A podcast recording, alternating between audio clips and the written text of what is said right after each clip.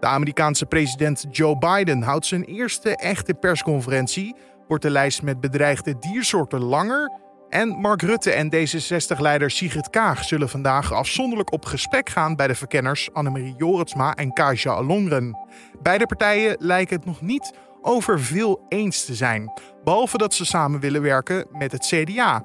Maar wil die partij dat wel? Hoekstra liet ook wel doorschemeren met zijn boodschap dat hij niet zomaar wil aanschuiven, maar gewoon van het begin af aan betrokken wil zijn. Uh, zodat ze hem er niet zomaar bij rekenen, maar dat ze hem dus echt oprecht even vragen van, uh, ga je met ons meedoen? Politiek verslaggever Priscilla Slomp hoorde je daar. Straks praten we verder met haar over de gesprekken die vandaag in de agenda staan en wat je ervan kan verwachten.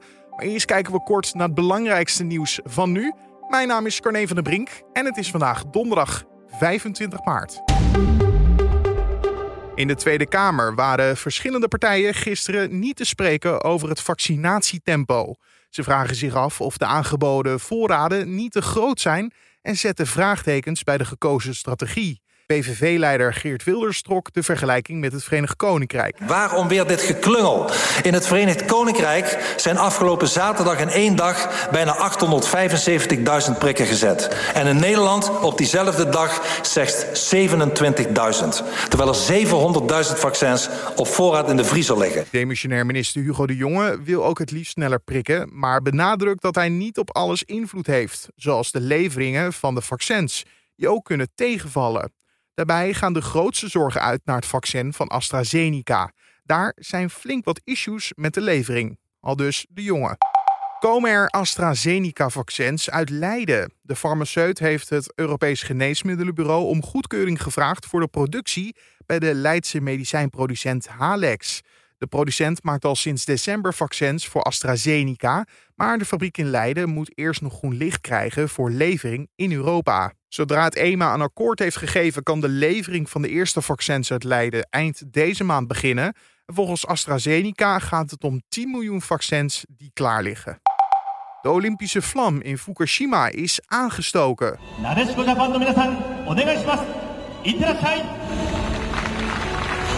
Hij zal nu vier maanden door Japan reizen in aanloop naar de Olympische Spelen in Tokio. Zo'n 10.000 renners zullen de vlam de komende tijd langs alle 47 regio's en tal van eilanden brengen.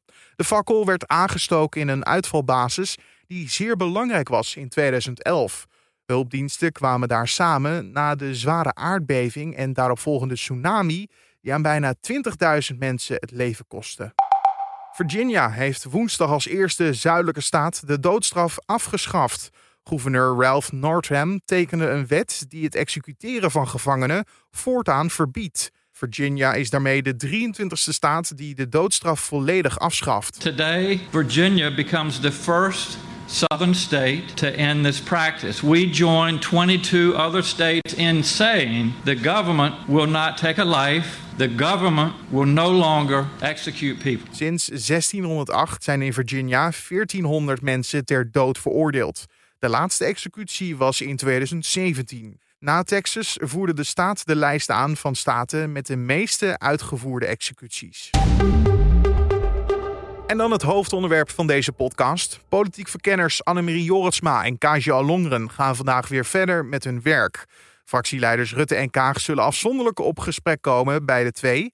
Vrijwel alle politieke leiders zijn het met elkaar eens en stellen dat de liberale partijen het voortouw moeten nemen met de formatie. Collega Julien Dom belde hierover met politiek verslaggever Priscilla Slomp en vroeg of het aanstellen van twee verkenners inmiddels al als succes bestempeld kan worden. Dat is een beetje lastig om nu nog iets over te zeggen. De twee verkenners zijn natuurlijk aangesteld. En dat is best wel bijzonder, want uh, vorige keer was het er eentje van de VVD. En nu ook een van D66 erbij. Dat is uh, gebeurd op verzoek van D66. Die wou uh, gelijk vanaf het begin op de bal zitten. Ja, en, en of dat echt nut heeft en of dat werkt, dat moet nog blijken. Ze hebben beide afgelopen maandag hun voorkeuren doorgegeven, de VVD en D66. Net zoals alle andere partijen op maandag en dinsdag. Ja, ze verschillen nogal. Dus we moeten kijken of de verkenners eh, bij elkaar kunnen brengen. Jij was er in ieder geval op dat Binnenhof maandag en dinsdag. Eh, wat heb jij zien gebeuren daar bijvoorbeeld bij de VVD en D66? Ja, VVD, eh, Mark Rutte, die was er als eerste. Die had als eerste zijn gesprek. Nou ja, die gaf heel duidelijk aan dat hij uh, D66 als logische partner ziet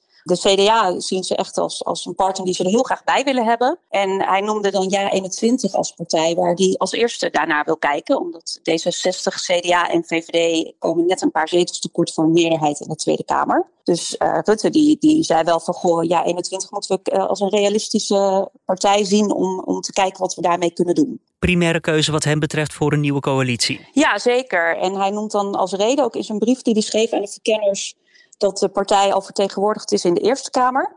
Dat komt omdat Ja 21 vorig jaar is afgesplitst van Forum voor Democratie.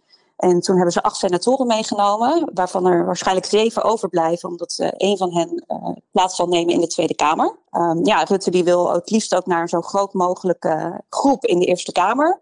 Een meerderheid zit er daar waarschijnlijk niet in. Maar ja, met ja 21, zeven senatoren kom je toch uh, redelijk in de buurt. En bovendien uh, is dat natuurlijk de enige rechtse partij die eigenlijk over is nu VVD, PVV en Forum heeft uitgesloten. Dus als Rutte wil laten zien dat hij het liefst voor een centrumrechtse coalitie gaat, moet hij ja 21 wel noemen. Ik kan me zo voorstellen, en volgens mij hebben we het hier eerder over gehad, dat Kaag van D66 daar niet om staat te springen. Nee, dat klopt. Nee. Kaag die in haar hele campagne liet ze blijken dat ze eigenlijk een progressief uh, kabinet wil. Progressiever dan het uh, kabinet wat er nu zat. En ja, dat, daar past ja 21 niet bij. Ze, in haar brief heeft ze geen voorkeuren uitgesproken, zoals Rutte wel heeft gedaan voor partijen.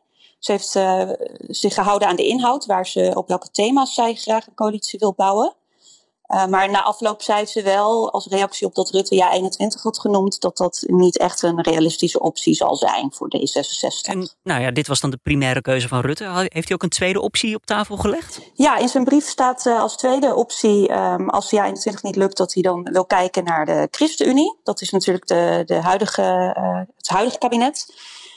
om dat door te starten nou ja, dat, dat ligt toch ook wel ingewikkeld. Uh, Kaag lijkt daar niet echt om te staan te springen. En de ChristenUnie zelf ook niet, lijkt het een beetje. Ja, je zei het net al eventjes van, uh, nou, ik, ik, weet niet of ik het woord spanningen moet laten vallen, maar... Ja, nou, ChristenUnie en, en D66 staan natuurlijk op, op medisch-ethische kwesties best wel uiteen eigenlijk een lijnrecht tegenover elkaar, kunnen we wel zeggen. Dat, uh, dat weten we al vier jaar lang. Um, nou ja, Kaag heeft nu al gezegd dat ze zulke soort kwesties het liefst ook uh, niet aan de onderhandelingstafel bespreekt, maar bijvoorbeeld aan het parlement wil laten, omdat ze denkt dat daar wel een meerderheid voor is. Nou ja, ChristenUnie die heeft zoiets van ja, maar dit, willen wij echt niet. Dus uh, ja, dat is wel weer een, een struikelpunt tussen die twee partijen als ze wel zouden gaan praten. Uh, moet er wel bij gezegd worden natuurlijk dat we in een coronacrisis zitten, een klimaatcrisis. En uh, dat zijn punten die Kaag echt wel als belangrijkste noemde in haar brief aan de verkenners. Ja, uh, hoe belangrijk zijn dan de, de medisch-ethische kwesties in dat licht als, als punt? Nou, daar valt Kaag dus een beetje over wat, wat betreft met de ChristenUnie. Maar wat wil D66 dan wel? Ja, D66 wil het liefst een progressief uh, kabinet. Progressiever dan inderdaad de optie met de ChristenUnie. En die kijkt toch wel naar links. Ze noemen geen partijen in hun brief aan de verkenners. Maar als je de, de brieven vergelijkt, bijvoorbeeld van D66, GroenLinks, Partij van de Arbeid. Ja,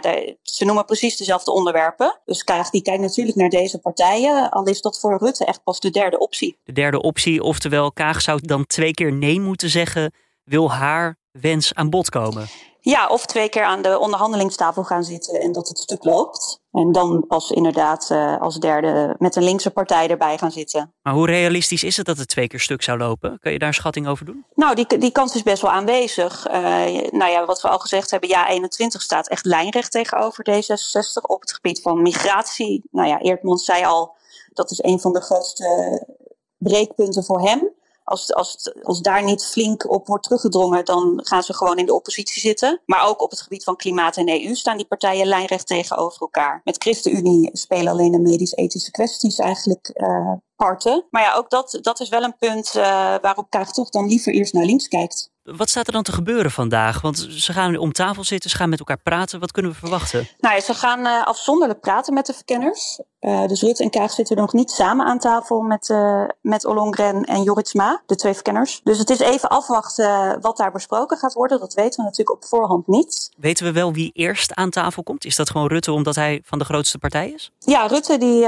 begint om kwart over negen. Dus die zal rond een uurtje of tien, um, ja, kan ook langer duren, weer naar buiten lopen. De gesprek van maandag duurde ongeveer drie kwartier tot een uur. En die, ze zullen natuurlijk aan hem vragen. Ze hebben natuurlijk onderling gehoord van elkaar wat ze willen. Rutte weet dat Kaag over links wil. Hij heeft laten blijken dat dat voor hem pas de derde optie is. Hij wil aan zijn achterban laten zien dat hij het liefst over rechts gaat. Dus ze zullen aan Rutte toch gaan vragen van, goh, maar Kaag wil dat absoluut niet wat zie jij dan voor je? En datzelfde zullen ze bij Kaag doen. Beide partijen moeten dus eigenlijk een beetje toeschuiven. Dan zou je dus zeggen, Rutte die zegt zijn eerste optie, nou weet je, als D66 dat echt niet wil, nou dan maar optie 2, ChristenUnie. En D66 zegt, uh, ja, als Rutte optie 3 blijkbaar links heeft, nou, dan moeten wij misschien ook een optie uh, verder kijken kom je misschien toch bij de ChristenUnie uit. Ja, zou goed kunnen. Dan uh, vullen we al wel heel veel in. Het zou ook kunnen dat, dat ze wel gaan praten met Ja21 en dat dus stuk loopt. En dat ze dan met ChristenUnie praten en dat misschien ook niet lukt. En dan met links. Ja, dat, dat is echt afwachten wat Kaag, uh, wat Kaag gaat doen. Dan nog één partij die ja, ook een soort van in de schijnwerper staat. Wel verloren bij de verkiezingen, maar interessant voor beide. Het CDA. Hoe is hun rol op het moment dan? Ja, het CDA ligt natuurlijk intern uh, wat ingewikkeld op het moment. Die hebben veel problemen binnen de partij. Met de verkiezingen hebben ze natuurlijk verloren. Dus Hoekstra die hield maandag, en, uh, die hield maandag de, de, de, boot nog een beetje af. Die kwam naar buiten en die zei van ja, ik ga niet aanschuiven bij een liberaal blok. En daar bedoelt hij dus mee de D66 en de VVD. Dus hij, uh, hij, liep nog, hij stond nog niet te springen. maar we weten allemaal dat het CDA een bestuurderspartij is.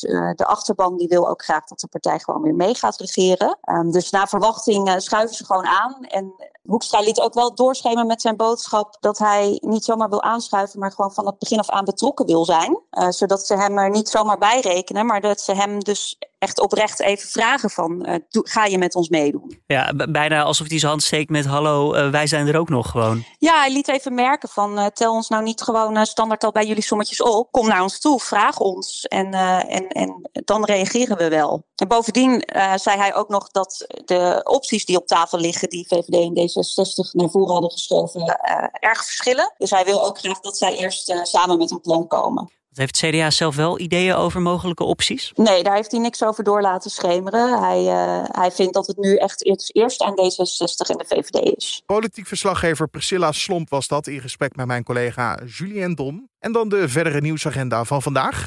Ja, want ruim twee maanden na zijn beëdiging houdt de Amerikaanse president Joe Biden vandaag zijn eerste echte persconferentie.